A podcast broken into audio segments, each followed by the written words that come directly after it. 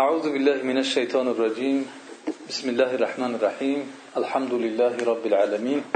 والصلاة والسلام على رسول الله أشرف الأنبياء والمرسلين. أما بعد صحبت امروزه ما در اطراف آیت های باقی مانده سورة الطارق. از آیه 11 تا آخرش ان شاء الله أعوذ بالله من الشیطان الرجیم. والسماء ذات الرجع والأرض ذات الصدع إنه لقول فصل وما هو بالهزل إنهم يكيدون كيدا وأكيد كيدا فمهل الكافرين أمهلهم رويدا. صدق الله العظيم. و سوگند به آسمان بارشانگیز و سوگند به زمین شکافدار در حقیقت سخن قاطع است. یعنی قرآن را در نظر دارد. در حقیقت قرآن سخن قاطع است. و آن حزل نیست. آنان نیرنگ می سازند و من نیز تدبیر می کنم پس کافران را مهلت ده واگذار آنها را اندک زمانه فمهل الکافرین کافرین امهلهم رویده پس کافران را مهلت ده. واگذار آنها را اندک زمانه این ترجمه آیت هاست و آمده بودیم ما به اینجا که الله سبحانه و تعالی قسم می‌خورد به عثمان و به تاریخ یعنی به اون ستاره درخشانی که خداوند خودش هم سوال می‌کرد که تاریخ چیست؟ و چی میدانی که تاریخ چیست؟ و تفسیر می‌کند کلمه تاریخ را که النجم الثاقب ستاره درخشان است. و بعد اون که الله سبحانه و تعالی قسم به عثمان و ستاره خورد چون این جواب قسم آمد که هر نفس حفاظتگری دارد هر نفس نگهبانی دارد. ما می‌خواهیم از این تفسیرها همچون تفسیری کاملا علمیه که یعنی در درس های اکادمی می‌خونن به آن صورت نه بلکه به آن صورتی که چگونه این آیت ها فهمیده می شود و یک انسان چگونه باید در برابر این گفته های خداوند عمل بکند به این صورت صحبت می‌کنیم. ببینید که خداوند گفتیم قسم خورد قسم به عثمان قسم به ستاره وقتی قسم باید چی می‌خورد یعنی توجه آدم جلب می‌کند به همون عثمان. توجه آدم جلب می‌کند به همون ستاره و گپ در باره عثمان و ستاره نیست. گپ در باره این است که این کل نفس لما علیها حافظ. هر این هر نفس نظارتگری دارد ما مثال زدیم که امروز در همه جا کامرا موندگی هستند مردم خیلی باز احتیاط می‌کنن که یکی ثبت نشوند. ولی این چیز رو 1400 سال پیش خداوند برای مؤمن ها مسلمان ها کسانی که به خدا ایمان دارن گفت که این کل نفس لما علیها حافظ یگان آدمی نیست که بینظارتگر باشد. این ها در جاهای مثلا در دکان موندگی در بازار موندگی در جاهای عمومی موندگی یا یگان نفری که ثروتمند باشد مثلا میموند ولی خداوند میگه که هر یک نفس بولوش این کمیره موندگی است. این کمیره ها که با کمیره های زکی نیست مثلا به عقل نیستن. اون نظارتگری که بالای هر یک نفس میستد با عقل است. ملائکه است. این هر لحظه پس این بسیار یعنی هشدار دهنده است برای انسان. ای انسان تو در یگان حالت تنها نیستی. یگان حالت کاری را پنهانی کرده نمی‌توانی. همه کارهایی که انجام میدی همه آنها نظارت میشن. خداوند قسم می‌خوره. تو اینکه انسان توجه بکند به این چیز چگونه که این آسمان صاحب یک تنظیم معین است و بعضی مثال ها را زدیم و این چونین ستاره که تاریک همه تاریک است ولیکن می‌زند از درون تاریکی ستاره میبراید به یک نظام و یک چیزی یعنی درخشیش و یک طرزی که خداوند مقرر کردگی است. هر یک نفس هم همین خیل بینظام نیست. همین خیل افقها داره و همین خیل نظارتگرها دارد. گرچنده که در روز خیلی که ستاره را نمی‌بینیم ما در این دنیا اون نظارتگرها را نمی‌بینیم. پس انسان رو باز می‌خواهد اندیشه بکند سری خود. خود رو بشناسد.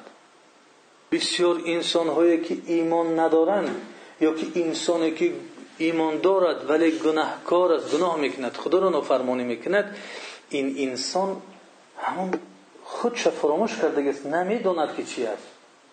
یعنی گمان می‌کند که باید این مسئله همین خیل باشد. مجبور هستن که من همین خیل بکنن همین خیل بسازن. این خیل فکر اندیشه نمی‌کند که از کجا اومده است. اون ذاتی که خلق کرد اون به خاطر آورنده است انسان خودش فکر نمی‌کند این را که من از کجا اومدم؟ خب تولد شدم کلان شدم کار کرده استادم بخوام نماز می‌خونم نخواهم نمی‌خونم بخوام در وقتش می‌خونم بخوام جمع کرده می‌خونم. فلینظر الانسان من مخلوق آن نظر بکند که از چی چیز آفریده شده است. آفرینش فکر کن اندیشه کن. بعضی انسانی هست که امروز ممکن خب این ایمان نآورده است. دارویی زیاد شد داد خداوند. خب زوریش داد هر چیزی داد. ولی ایمانی به خدا نداره. زیرا اون هستی خدا اندیشه نکرد. خدا میگه خلق من من دافق آبی از یک آب جهنده آفریده شده خب اینها همش علاقمندی دارن. آورد آسمان آورد ستاره را آورد انسانی را که نظارتگر دارد.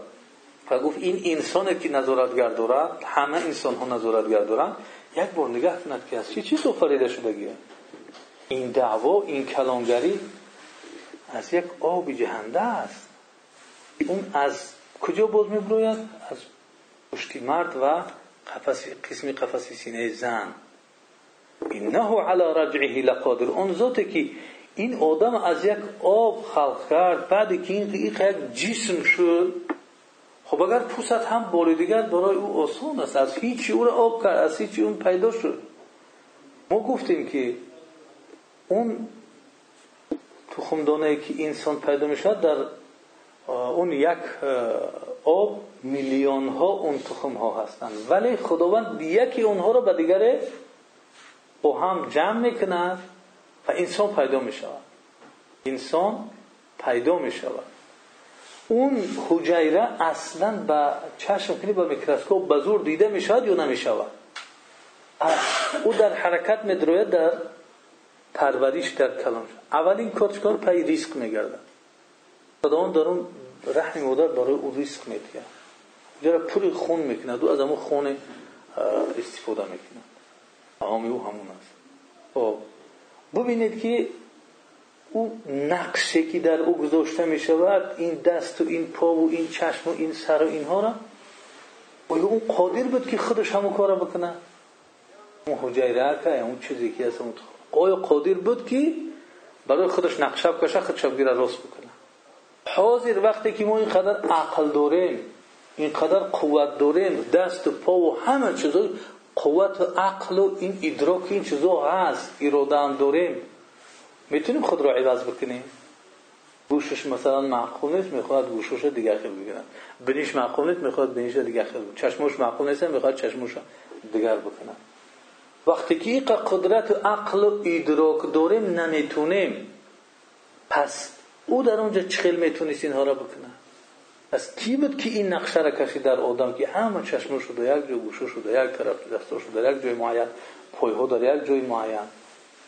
و خداوند رو خلاصه از وجودی از وجودی انسان جمع کرد چکو کرد در یک چیزی نوچیز همه صفت های پدر صفت های مادر در یک چیزهایی که به چشم دیده نمی‌شوند بسیار ناعیان هستند همه صفت ها گذشت با هم یعنی یک می‌شوند به یک صفت نوی که استفاده شدگی از وجود پدر و از وجود مادر است.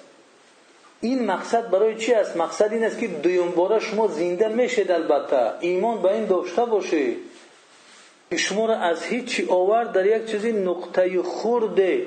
همه هستی شما را طرح کرد نقشتو نکشید پس وقتی که اینقدر یک جسم کلان میشه خب پوسیده رفتین هم دیون بارا نمی‌توند اون خدا که باز همین خیلی جمع کرده. باز یک انسان تو بکنه. این را انسان باید اندیشه بکند. این کار می‌کند که زنده گردانیدن است ولی این کار نمی‌کند که خودش به وجود آمده است. اندیشه می‌کند که اون چخل چخل در سوره یاسین میگد میشه سوره یاسین در؟ وهي رمیم. وهو, وهو رمیم. قل من پیش از این آیتی که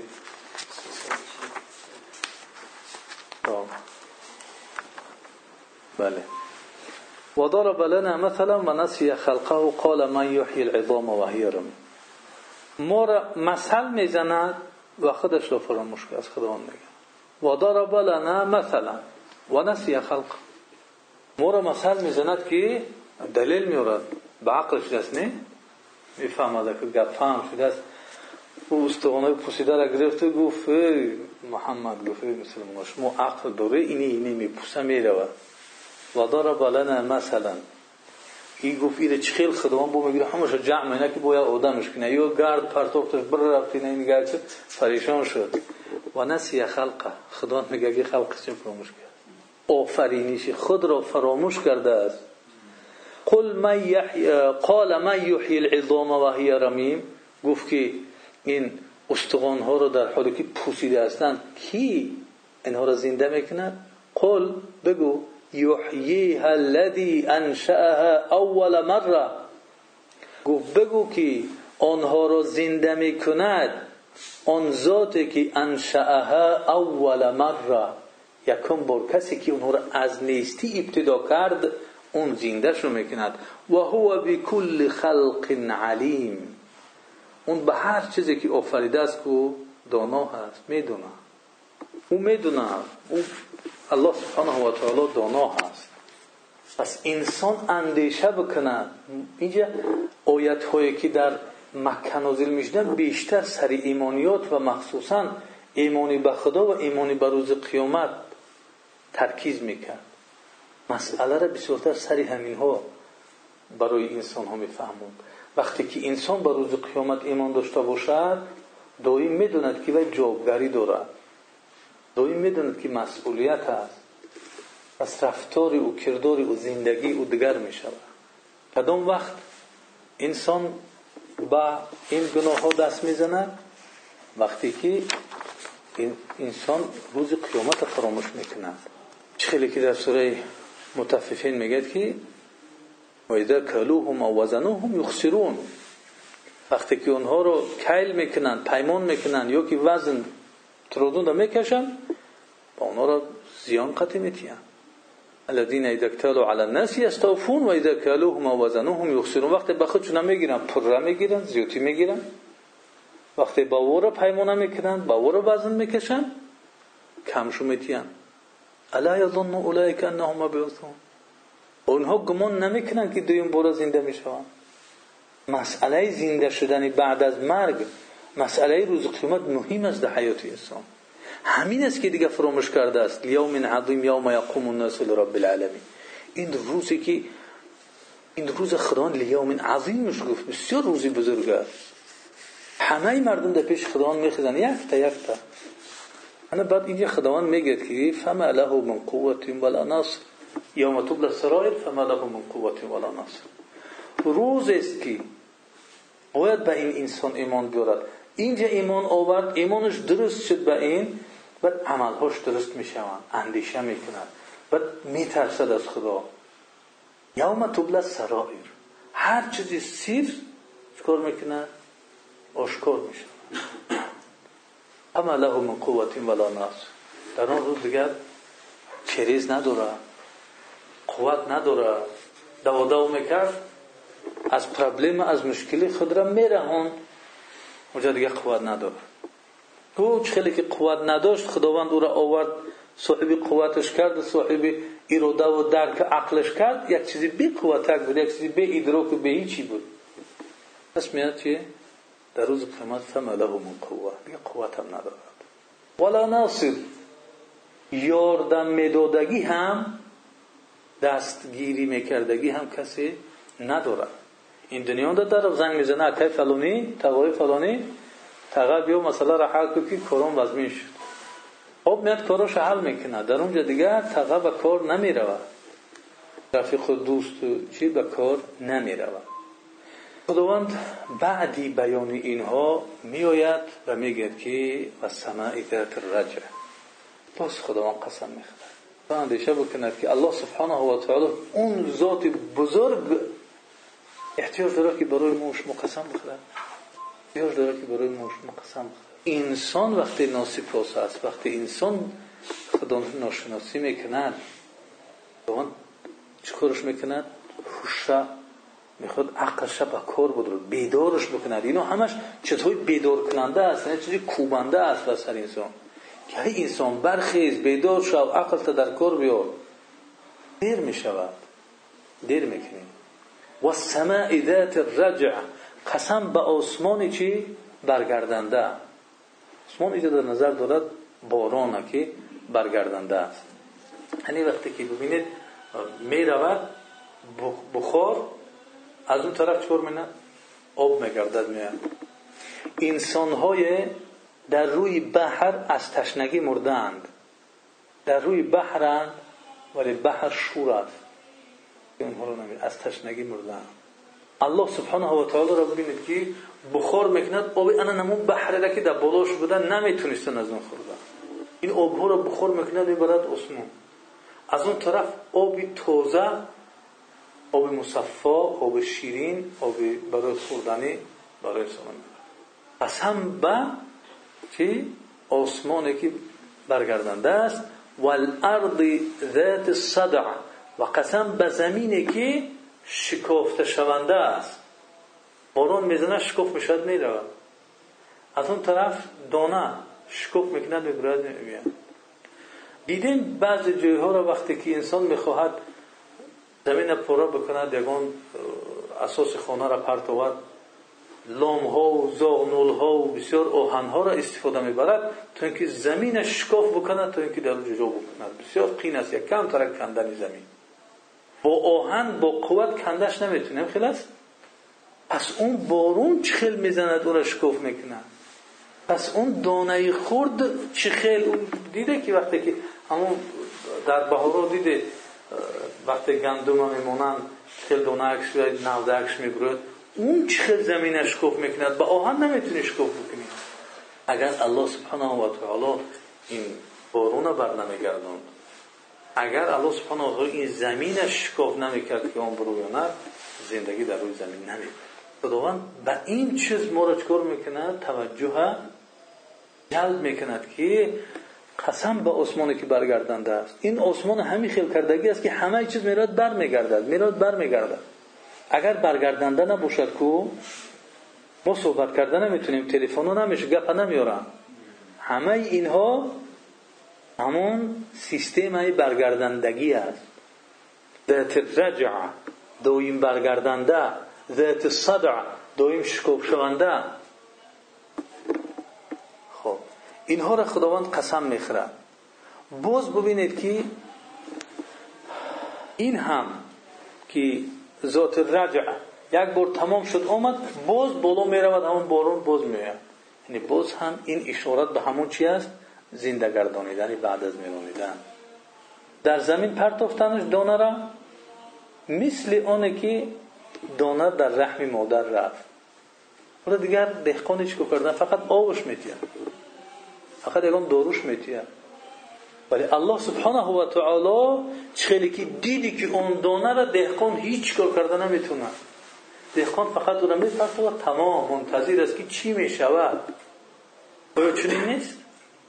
ببینید که الله سبحانه و تعالی چگونه های مانند به هم می‌زند دانه را پرتاخت منتظر است که دیگر خودش میاد یک چیزی به اراده یک چیزی به قوت یک چیزی هیچ هیچ. می‌زند زمین شکوف می‌کند میپوید در دنیای دیگر. خداوند اینقدر در همون دانه ها را نگه میپرتوی چند دانه را هر خیل دانه را میپرتوی یکی اونها گندم می‌روید. یکی اونها جو می‌شود. یکی از اونها پمیدور می‌شود. یکی از اونها سیب می‌شود. یکی از اونها انور می‌شود. در یک زمین دانه را او از کجا اینو را؟ نقشه چی خیل کرده اینو را؟ کی کرده اینو را؟ اینو را انسان اندیشه بکند که فقط در زمین میپرتوش تمام دیگه هیچ کاری نمی‌کنی. او را نمی نویسی که نمیگی که تو پمیدور شد تو بودرینگ شد تو گندم شد تو سیب شد تو ناب شد این فرمان داداش نمی‌تونی. و این چیزی مخصوص داده نمی‌تونی که دانه گندم بکاری و بگو که برای من سیب شد و یک چیزی دیگر میگم کشف کردم که از زمانهای قدیم باقی مونده سن. بعضی گندم و این گندمی را که یا جوی را که مور به خانش می‌برد مورچه به خانش می‌برد همون را اگر بشنونی کو نمی‌روید. چرا همون دانه همون دانه گندم در یک جاش برنامه داشته است. مور پیش اینکه او را خزینش بکنه همون برنامه را می‌خره. و میمونه. بله. همون برنامه نشع و نمای چیده می‌خرن یا او را بشنوننش هم نمی‌دونه. اون خداوند بار او ادراک کرده است.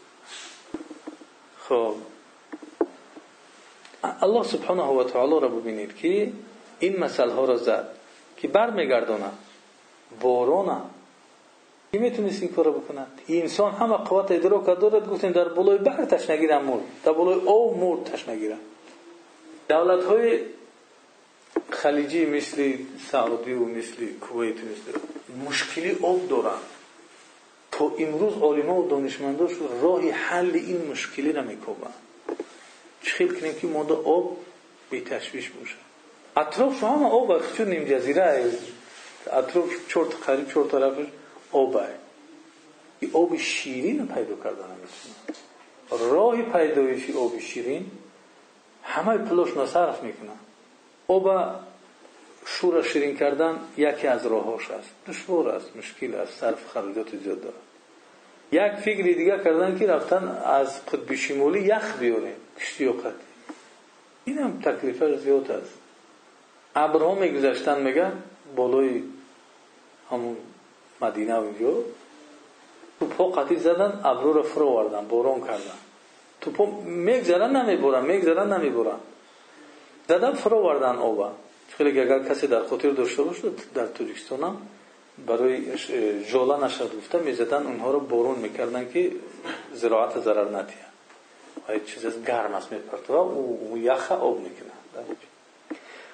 اینو می‌زدن همین خیلی میفرو وردن لیکن اون بارونی که فرومد اون آفت شد. همون چیزی بودگی را قاق کرد. این نظام دارد ملک الهی. چگونه که ان همون آبی را که رفته است همه جان در زراعت میرونند. انسان از تشنگیش میشکند. نوجف را بردیش ضرر میرساند. زندگی انسان همین خیلی. حرکت نوجو از راه الهی خلافت است. حرکت نوجو از این راه قرآن انسان در حلاکت است. آفت سرش. آفت سرش. و سماع ذات الرجع خداوند قسم به عثمان بر این صورتش قسم می‌خورد و به زمینی که صاحب شکفته شونده است و اینم رحمت الهی است. انه لقول فصل. همان این قولی چی است؟ مستحکم است. قول قاطع است. قول نهایی است. قرآن. هر کی هر چی میگه در این دنیا ولی گپ نهایی قرآن می‌زنه تا روز قیامت. گپ نهایی گپ قرآن است. و ما هو بالهزل این هزل شوخی نیست. این چیزی بهوده نیست. انه لقول فصل. خداوند قسم می‌خورد که این قرآن گپ بهوده نیست که انسان چکار بکند؟ با او این گونه مناسبت بکند این گفته الله سبحانه و تعالی هر قول دیگری که میبروید در برابرش اینا رد می‌کنه. هر گپی که اگر خلاف قرآن برومد کو اون خطا هست. این عقیده ما هست. موفق این آیت انه لقول فصل که این قرآن سخن فصل است سخن قاطع است سخن حل کننده است حکم نهایی است. هر چیزی که مخالف قرآن برومد اون خطا است. این هزل نیست این شوخی نیست. گفت قیامت می‌شود می‌شود. گفت که این مثلا و سمای ذات رج است و سمای ذات رج است و الارض ذات صدع است همین خیر است. گفت که زینا ضرر دارد هر دلیل بیارن که فایده دارد زینا. در جامعه که کم هستند در جامعه که فلانی هستند میگه نه. خدا وقتی گفت که ضرر دارد ضرر دارد عرق. چند قشه بخری مثلا 50 گرم 100 گرم به سلامتی فایده دارد. ما میگیم که اگر ذره ایش بخری وقتی که خدا گفت که حرام است خبیث است پلید است قول فصل اینجا است. وقتی گفت غیبت حرام است گمان نادرست است وقتی گفت تجسس کردن جاسوسی کردن ولو و تجسس نکنید اینها صفت های بد هستند هیچ وقت اینها درست شده نمی‌تونن. یا درست شده نمی‌تونن. این قول, قول فصل است قول قاطعانه است گفتار قاطعانه است. هر حکمی که در, در قرآن آمد اینها حرفهای قاطع هستند حکمهای قاطع هستند حل کننده همه اختلافات و مشکلاتی که در جامعه می شود این حل کنندهش هست. و ما هو بالحزم و اینهم یکیدون کیده. اینجا وقتی که پیامبر صلی الله علیه و در وقت مشقت بود در, در مکه صحابه های کرام در عذاب و اذیت بودن در شکنجه بودن. خداوند گفت که تسلیشون میتد که این هم یکیدون کیده. آنها حیله و نیرنگ می‌کنند. کید این تدبیر است یک نقشه کشی است. اینها نقشه می‌کشند. نقشه های شیطانی بر ضد شما می‌کشند بر ضد این دین می‌کشند. هم یکیدون کیده. شما آگاه باشید. خداوند خبر داده ایستاده است که نشود که یک روز بیایید که وقتی سر مسلمان نقشه بکشن که بگه که این زمان ما از زمان دیگر فرق می‌کند. ما باید که این خیل باشیم ما باید که اون خیل باشیم حکم الهی را باید تغییر بتید نیست نه. پیامبر صلی الله در همین زمان بود صحابه کرام در همین زمان بودن که نقشه ها بر ضد اونها کشیده می‌شد از طرف دشمن. اینهم یکیدون کیده. اینها تدبیر می‌کنن نقشه می‌کشن. کار می‌کنن که شما رو از این راهی الله از این راه قرآن بگردانند. کار می‌کنن که از این راه بگردانند. شیطان و اعوان شیطان یاردم چی شیطان. میگد که حاجی تو خوندنی میره تو میسی یک ساعت دو ساعت کورکنی اومدگی هستی. عجب دوست خولی میره تو فقیر میشه. تو کم میشه. اون مردکای دیگر بوی میشه میرون تو به پشتی خوندن میگردی یک ساعت دو ساعت تو برای دم بگی تو برای کار کن.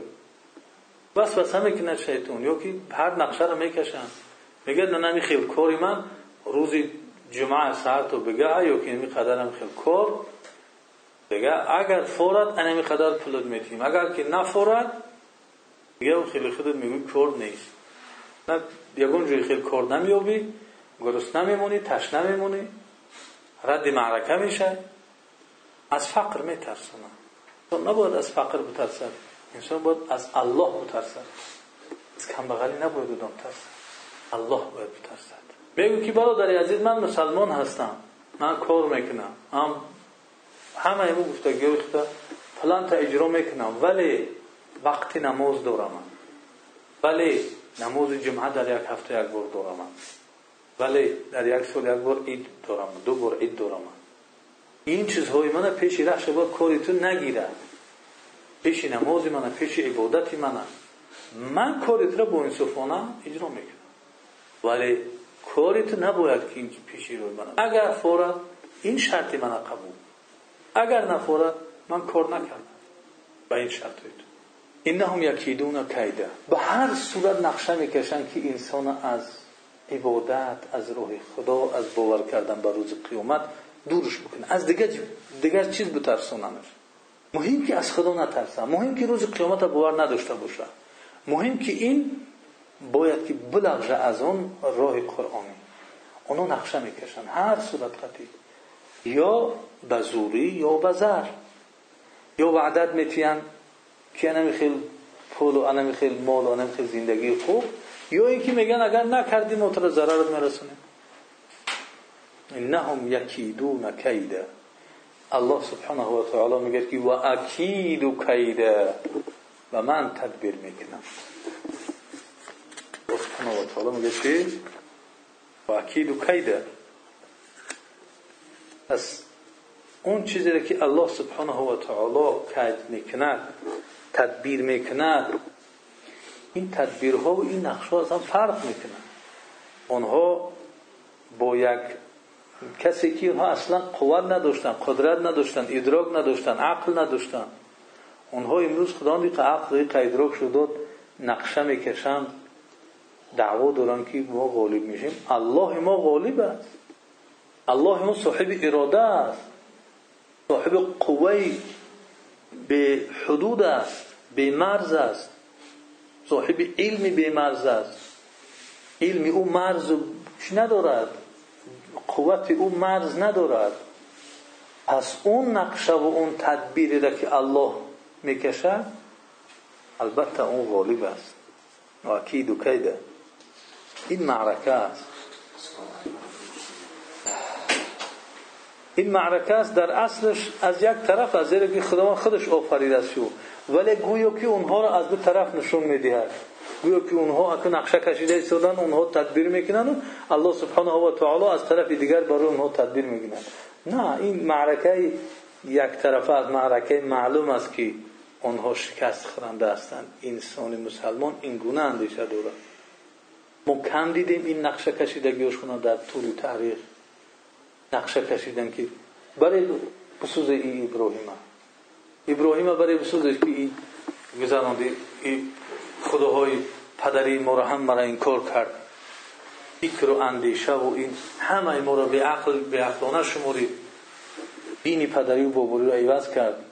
برای گفت آتش برانگیزی و ندارم آتشدان بدازش. یک آتش کلام کردن نقشه کشیدن بردن ابراهیم علیه السلام پرد تمام قوه را صرف کردن چیگونه می‌تونستن آتش را درگیروندن و اون را در آتش انداختند در آتش چیکار می‌کند انسان آتش برای چیست برای سوزوندن است ابراهیم علیه السلام سوخت نهم یکیدون کیده و اکیدو کیده فرعون همه سجدش می‌کردن. خداش می‌دونستن. علیه بالله. موسی علیه السلام در برابرش برمد گفت که تو بیا برای خدا برا. دیده مغرور نشه به فکری که داری. بسیار وقت این نفرانی که مثل فرعون فرعون و امثال فرعون. اینجا از دو طرف خطاگی می‌شود. یک خطاگی این است که وقتی که خودش کلان می‌گیرد مردم اطاعتش می‌کنن همون خیلی کلانش میشمورن. به عقلی مردم او را خیل می‌کنه در حقیقت من زور بودستم اندیشه نمی‌کنه که مردم نادونسته و در حقیقت خودش باید اندیشه بکنه که او خیلی نیست. فاستخف قومه فاطاعو اونها رو نوچیز گریف شو. اونها اطاعتش کردن. اطاعتش کردن دیگه ایخش کلام گریف خب نقشه کشید فرعون. که موسی را از بین بره. تمام لشکر را جمع کرد. از قفوش اومد. نقشش همی بود که آنها را همه را از بین می‌برد. حضرت موسی علیه السلام با مؤمنه اومد در پیش بحری سرخ. از این طرف بحر او دریا نیست که بگذارن. بحر بحر سرخ. از اون طرف دشمن فرعون با تمام لشکرش.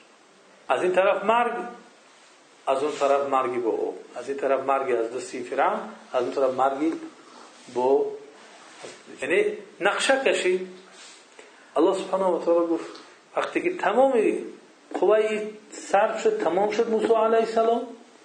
دیگر همین قد قوت داشت همین قد فکر اندیشه داشت هم خدا را اطاعت کرد دو چیز گفت کرد. اینجا که تدبیر ایدایش سر میشه. اونا کهید کردن نقشه کردن که از بین برن. خداوند موسی علیه السلام فرمید که تمام اساد قطعی متیاق قطعی یک دریا را بزن بحر بزن. بحر زد بحر ره شد. و درونش قطعی ره شد. اینو زدن زدن زدن از اون طرف برو مدن بحر در طرف تینه ممکنه بزن میگرد چپ همیشه اونجا زن است اونجا کودک است اونجا مردی بیمار است پیرانسال است و همه اونها عبوزه رو نمی‌تونن. بحر است. رفتن گذشتن. تدبیر الهی رو بین. آیا اونها می‌تونستن تدبیر این گونه بکنن اینا همش نشان دهنده اون است که اون ذاتی را که شما ایمان داره به او این خیلی قادره. فرعون با او زوریش اومد عاجز موند. دید که چیکار کنه در دون بحر در اومده رخ شد بر رفتن خشک شد. از اون طرف گذشتن موسی علیه السلام. خب ترسی که بود نیدن در طرف واز قفش در اومده گفت بزنن بحر کی؟ خداوند ندا کرد که مونش به حال خودش بیست. نرس خب نرس که بوشد نرس تدبیر الهی برا و تدبیر الهی. خیلی که تدبیرش کرد؟ همه لشکر با تمام قواش در اومد به قریب گذشتن که موسی علیه السلام در این طرف بقفید بومش میکشتن. خداوند بحر امر کرد که جمع شد تدبیر الهی اومد. فرعون چیکار کرد؟ گفت آمنت بالذی آمنت به بنو اسرائیل. با اون چیزی که بنی اسرائیل ایمان آورد من ایمان آوردم قبول کردم. دیش نقشه ها و تدبیر انسانی همین قدر است. نقشه الهی را بین. الهی را بین. پیامبر صلی الله علیه و سلم نقشه کشیدن. جوانای زور زوری مکه را جمع کردن. قریش در دستاشو شمشیر دادن. در پشتی درش موندن. بر اومد یک جای همه کسا بزنید. مثل یک آدم زدن وره. تو اینکه خونش به همه قبیله ها پنج شود. وقتی که دیگه قصاص طلب کردن نمی‌تونن برای یه آدم نکشته شده. 20 آدم یک یک بار زدگی است از 20 قبیله اونها طلب کردن نمی‌تونن زور شو با 20 قبیله نمی‌رسه. چند پله بگه پله میشه. جون مخلص شدگی نقشه شیطانی. نقشه نقشه انسانی که برای شیطان میره. اینهم یکیدون کیده. خداوند خیلی نقشش کشید و اکید و کیده. با موبین شو برومت گذشت در بالای سرش خاک رفت. و یکون راه دیگه نبرومد بره و موبینی همونو گذشت رفت.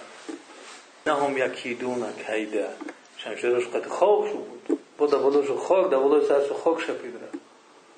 دون کیده و کیده. فمهل الکافرین. در زمانی خود محمد امین معاصر هم رحمت بکنه استاد سال 86 نقشش کشیده بودن. تدبیرانش ولی ده سال بعد اون طرف صلح در همون کرملینه که سال 86 نقشه از بین بردنش بود. در همون جا در اومدگی طرف با همون سر لباس اسلامی بود توقی و همون ریش همون سلح و توقی و چی؟ در اومده جنابی یلسین قطی دست می‌دید یک آدم عادیه که وظیفه کاریش چای جوشان برای کارگرای یک کرد. وظیفهش یلسین قطی رفت طرف سالش نه هم یکیدو نکیده و اکیدو کیده در راه خدا برویم الله سبحانه و تعالی تدبیر می‌کند برای ما اون چیزی که اونها تدبیر می‌کنند و نقشه می‌کشند خودشون عمرشون صرف می‌کنن که بیت العنکبوت است کدام دیده که خانه تورتنک اونقدر سختی بود که شما او را کنده نتونید شکسته نتونید. در جا یگان جو شنویدگی هست که خانه تورتنک اون کس شکسته نمی‌تونه. چی قوت داره خانه تورتنک کنتور تورتنک چند قوت داره؟ الله سبحانه و تعالی کید اونها رو به همین مثل می‌زند که اونها مثلی همین تار تورتنک هستند چی نقشه می‌کشند چی کید حیله می‌کنند اینا هم یکیدون کیده.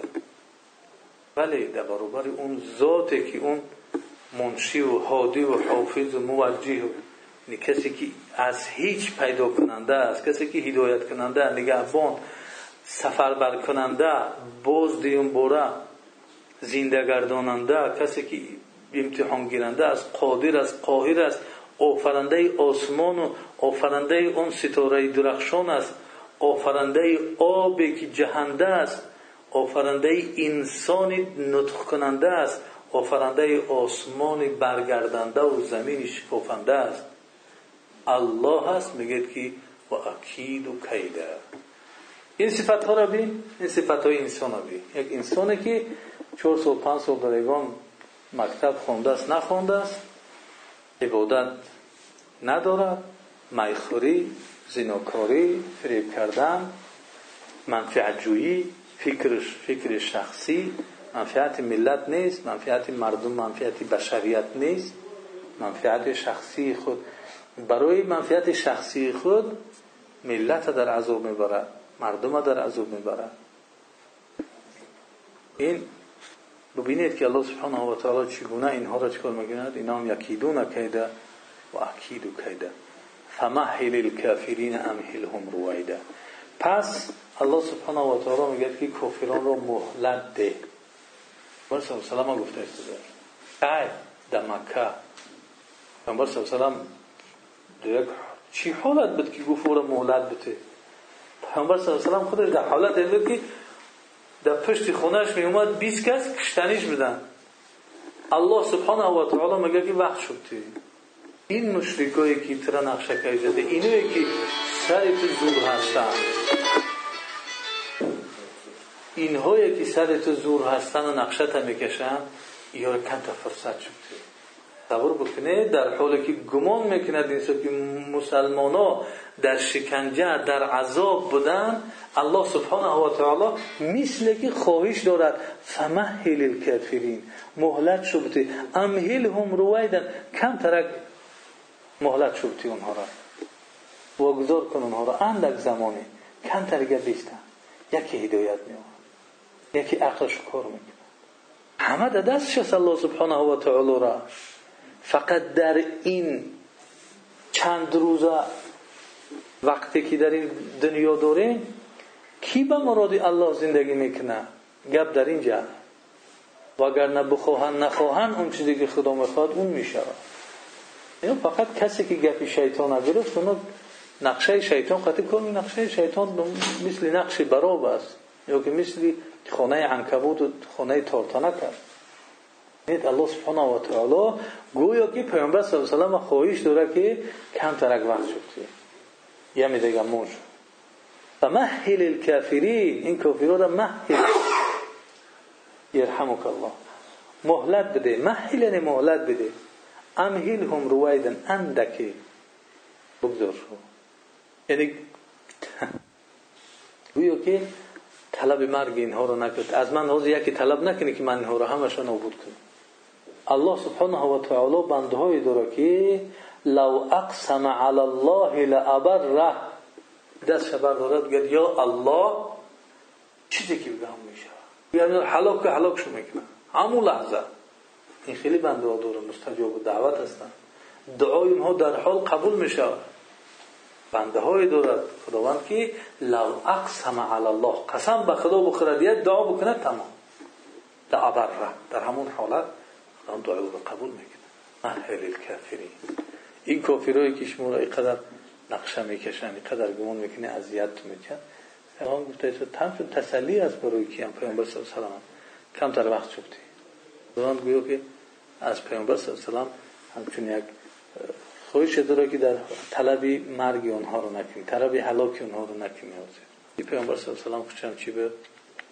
خیلی که حضرت جبریل علیه السلام گفت صدق من سماک رعوف الرحیم. وقتی از طایف اومد اونقدر اذیتش دادن و سنگو زدنش پای مبارکش خونشور کردن. برای چی رفت؟ برای وظیفه؟ برای پول؟ برای مال؟ وظیفه و پول مال در مکه تقدیمش کردن قبول نکرد. من می‌خوای پادشاهی می‌خوای سرداری. بالای خودمون سردارت می‌کنی پادشاهت می‌کنی از این راحت بگرد اگر مقصد از همین راه بوی شدن باشد جمع می‌کنیم. ای بویترین همون میگردونیم. خدا همین تایم راحت بگرد مقصد همین پول باشد ما هم پول جمع یعنی بطور می‌کنیم. یا که مقصد بوی کار. زنگیر باشی. بگم زنی خوبت فرا بهترین زن جدا می‌کنیم از این مکه. اختیار که بگیر چه خیلی میپوده کردن زنی بهترین زن؟ مرحمت میتیم. منصب پیشنیاد بایگری پیشنیاد زن پیشنیاد گفتن کسل باشی بیمار باشی بهترین طبیبا رو بیاریم توبتت کنن. مگیشه گفت؟ والله اگر اینها افتاب در کتیف راست من بیارم بمونن. محتاب در کتیف چپم بیارم بمونن. من از این نمیگردم. گفت یک کاری را که نمی‌تونن اگر بتونن. یک کاری را نمی‌تونن اگر بکنن. اگر از دستشو بیاید که افتاب در جا محتاب بیان در جای من مونن تو اینکه من از این ره بگردم من از این ره نمیگردم. این ره برای افتاب محتاب آوردن موندن برای وظیفه گرفتن برای پول داشتن برای زن گرفتن برای از بیماری نیستی را این کار. ما آدم منصب خواه نیستیم ما پول خواه نیستیم ما زن خواه نیستیم. ما آدمی هستیم که می‌خواهیم مردم سعادتمند شوند این هست خوشبخت شوند شسلیبی بشوند شسلیبی در دنیا و در آخرت. شسلیبی نویچنست ابدی خوشبخت شوند نمیست نقشه ما باور کنید یک نفر همین صحبت شد غیر مسلمان است. گفتن که خیلی مقصد امین است. خیلی مؤمنان و مسلمان ها برایش میسوزه ذوق است شد حیف است وقتی که انسان سلام میره انسان برای ابدی دیگه خلق شد لیکن این ابدیت دو راه داره جو بیش و دوزخ جل که تو برای در دوزخ سوزی داری از دست دادن تو برای ما جل که برای ما ما غم می‌خریم که تو نسوزی ابدی غمی ما و دعوتی ما همش همیه که تو در ها باشی تو در نعمت باشی تو ابدی کیف صفا کنی بگردی بیچاره اشکاش میریزن بود چیزی هست که استادگی از درمون دمی دلش این مسلمان برای وظیفه برای پول برای زن برای بیماره برای کس کسلیش این کارو رو نمی‌کنه. اومده استادن ما ای برای برای چیه؟ پول میگیم ما پول جمع کنیم اومدیم. وظیفه گیری اومدیم. ما برای زنگیری اومدیم. ما برای کسل بیماریم که ما کارو می‌کنیم. یک چیز از بیماری ما یک چیز از خویشی ما رضاگی الله سبحانه و تعالی رو به دست آوردن. وظیفه را که فرمیده است شهادت اون گفته های الله سبحانه و تعالی را برای مردم رسوندن زندگی خود در اساس این راهی مستحکم راهی صراط مستقیم. یک راهی راست دو راهی راست نیست. راهی مستقیم در بروند راهی نامستقیم در نروند آیا این کاری بد است وقتی آدم می‌خواد که در راهی راست بروند وقتی که وی برومده است در بیروها رفته است در راه خار و خس و غار هر هر لحظه ممکن است که او در پروپست برود نوبود شود همون خوب است یا که یکی ما می‌خواهیم که همین راه راسته که این راه دیگر تا ابد است راه نجات این کار بد است فمهل الكافرین امهلهم رویدا. ما را فرصت بده. شاید که یکی عقل شکر می‌کنه شاید. لیهدی الله بک رجلا واحدا خیلی پیامبر صلی الله علیه حضرت علی را گفت. اگر به دستت یک کس هدایت بیاورد ای دنیا و آنچه که در دنیا هست بهتر است. یا که خیر لک من حمر نعم از شترهای سرخمودی ده برای تو بهتر است. یعنی بهترین مالی سواره بهترین مالی را که عرب داشت از همون بهترین چیز ده. این برای تو بهتر است. یا که خیرون مما طلعت علیه شمس از اون چیزی که افتاب به اون رسیدگی است. افتاب یعنی همه همین دنیا از همین دنیا دیدن برای تو هم یک کس هدایت بیاورد در حیات داشته بود یک کس هدایت یا به دست تو بهتر. ببینید که الله سبحانه و تعالی با این آیت های کوبنده عقل ما انسان های بی فکر انسان هایی که کم اندیشه می‌کنند. درباره الله سبحانه و تعالی درباره خود درباره آخرت اینا رو میکوبد که بیدار شد فکر کن اندیشه بکن. اگر اندیشه نکنی اگر عقلت خوب باشه اگر خوابالو باشه عقلت حلاک میشه بیدار شو حقیقت بفهم قدم ها در راه راست مون.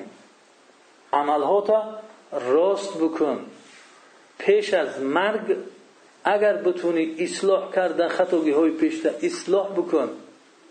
تا اینکه بعد از مرگ اصلاح آنها می‌شوند.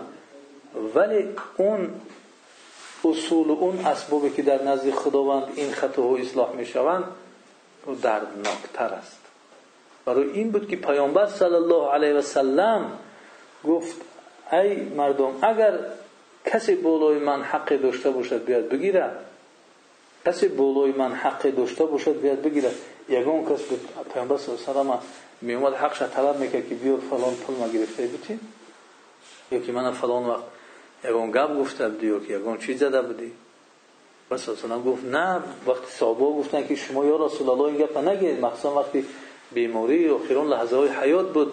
یعنی هیچ چیز دیگر هیچ کس طاقت نمی‌کرد که پیامبر صلی الله علیه و یک کس بگه که من بالای تو حق دارم یا حق من ابتی تا صحابه کرام را طاقت نداشتن ولی پیامبر صلی الله علیه و گفت نه بگذارید کسی حق دارد بگیرد زیرا که نگذارم این چیز به پیش خداوند برود که اونجا وزنین است نگذارید حق به پیش خدا پیامبر صلی الله علیه و میترسد از اینکه حق یک کس در بالاش ماند در پیش خداوند او را طلب پس یک کس گفت من چند تنگه دارم او را که بتیه تنگ باشه حق بتیه یا نفر گفت که من چخیلی قصه را می‌دونه من زده بدیده پشتم. پیامبر صلی الله علیه قصاص داد ای خودش.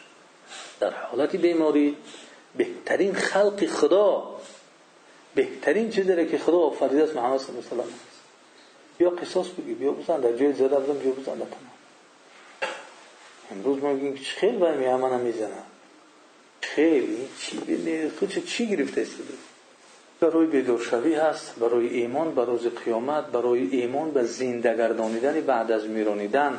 چگونه که دیدیم انسان از یک آب چخیل به وجود میآید؟ مرحله جنین یک تاریکی به بیرون میآید. این چیزهایی که از زمین میبرویند. ستاره که در تاریکی درخشان می شود در تاریکی را پاره می‌کند میبروید و اون چیزهای سر و پنهایی که اونها پنهانی که اونها پوشیده بودن. بعضی گناه های انسان همه پوشیده پنهان بود. ولی اونها چکار می‌کنن؟ یا مطوب لسرایر طور می‌شود مثل همون ستاره میبروید خیلی که درخشیده میبروید ستاره در تاریکی گناه همه خیلی چکار مینن ظاهر می‌شود و این چیزها را انسان در خاطر بگیرد. آیات خدا موفق و معید بگرداند که ایمانی بر روز آخرت ما مستحکم بگردد و سببی بیشتر با گفته های خدا عمل کردن بیشتر رضایی خدا را به دست آوردن. پیش بکنیم و بدانیم که این دین را ما پیروی کرده نه از روی به دست آوردن کل مال منصبه یا یگان منفعت بلکه رضاگی الله به دست آوردن. آن ذاتی که ما را اینقدر نعمت های بزرگ دادگی است. ببینید وقتی که برای انسان یک کس چی بود گفتی؟ آمدن در یک جا صد روبلی دادن ده صد روبلی دادن به من هم دادن من هم خرسان شدیم بود یک برادر. خب برای نعمت است. حقیقت هستیم. اگر یک کس بیاد صد دلار چی؟ اگر یک کس بیاد هزار دلار چی؟ یعنی مثل دیگه آدم مناسبت می‌کنی قطعیش اگر بیاد ده هزار دلار در دست چی بیاد کلید ماشین مثلا یک جیپ در دست یک تایوتا در دست از شما. مثل دیگه آدم ها خطیش مناسبت می‌کنی دبورش فکر نمی‌کنی دبورش گم نمی‌زنی اگر صد هزار دلار بیاره پیاده دست دبورش فکر نمی‌کنی حتی بگیر هم میخوایی دبورش دعا می‌کنی خدا همه مشکلی من های که صد هزار دلار این آورد. نماز قطعی دور بود. ما بگی همی وقتی که یه انگوشت میره بعد همیده صد هزار دلار اونده بگی همینطوری انگوشتی که داری به یکون تغییر هم خیلی بخر می‌تونی خریده مردک از اون کسر شد گپ زده نمیتونیست رفت گرمانیا دخترات توبهش کردن اومد شغلش گفتن چیکو که اتباع کرد تبلیغ کرد دانشگاه گفت این تبلیغ کرد می‌خوام ده دقیقه گپ می‌زنم هر تبلیغ 50 دلار ده دقیقه 50 دلار 10 دقیقه برای یک ساعت 300 دلار یک روز 24 ساعت هست 7000 چند دلار یا ماه سی روز است یک سال 365 روز است یا کی قبل که تو یک سال گپ زنی هر روز می‌تونی که 7200 دلار ابتی برای گپ زدن فقط برای آب دهن ببره فقط برای اون آبش برمدن که گپ زنن قدر نعمت الله سبحانه دودگی است. چرا رو یاد نمی‌کنی. برای صد هزار دلار و صد هزار دلار صد هزار دلار قطعی نمی‌دونم یه روز درست گپ می‌زنی نمی‌دونم پیشم. یا مانی مو گپ می‌زنی. تمام. این قصور گپ زدگی تا فراموش کرد گشتگی با پولی رنگه می‌بینی تماشا می‌کنی همه لذت های خوردن و نوشیدن دیگر. این ذات این آفریدگار انسان باید بشناسد. باید دوستش بدارد. یک کس برای یک سوم انسان دوست میدارد. خیلی اون ذاتی که اینقدر نعمت ها را داده است. نامش میگه دوستش نمیداری. یک کسی که برای تو کوشش می‌کند که برای یک کار بیاوه تمام حیات دیگر را میگه که همین سبب شد که من اومدم همین سبب شد که من زندگی خیلی است پیامبر صلی علیه سبب شد که قرآن برای ما اومد. حیاتش همش گذاشت تجارت همه کاراش گذاشت چرا الله علیه دوست نمیداری یادش نمی‌کنی یک برادر آشکارا گفت که من چیزهای معلومات یا یعنی چیزهایی در درونم ندارم که اون ایجاد محبتی من به پیامبر صلی الله علیه بکنم. درست است می‌دونم که پیامبر صلی الله علیه است ایمان دارم من مسلمان نماز می‌خونم ولی محبت حال ایجاد نشده است. درست از پیامبر صلی الله علیه درست از خدا نیست.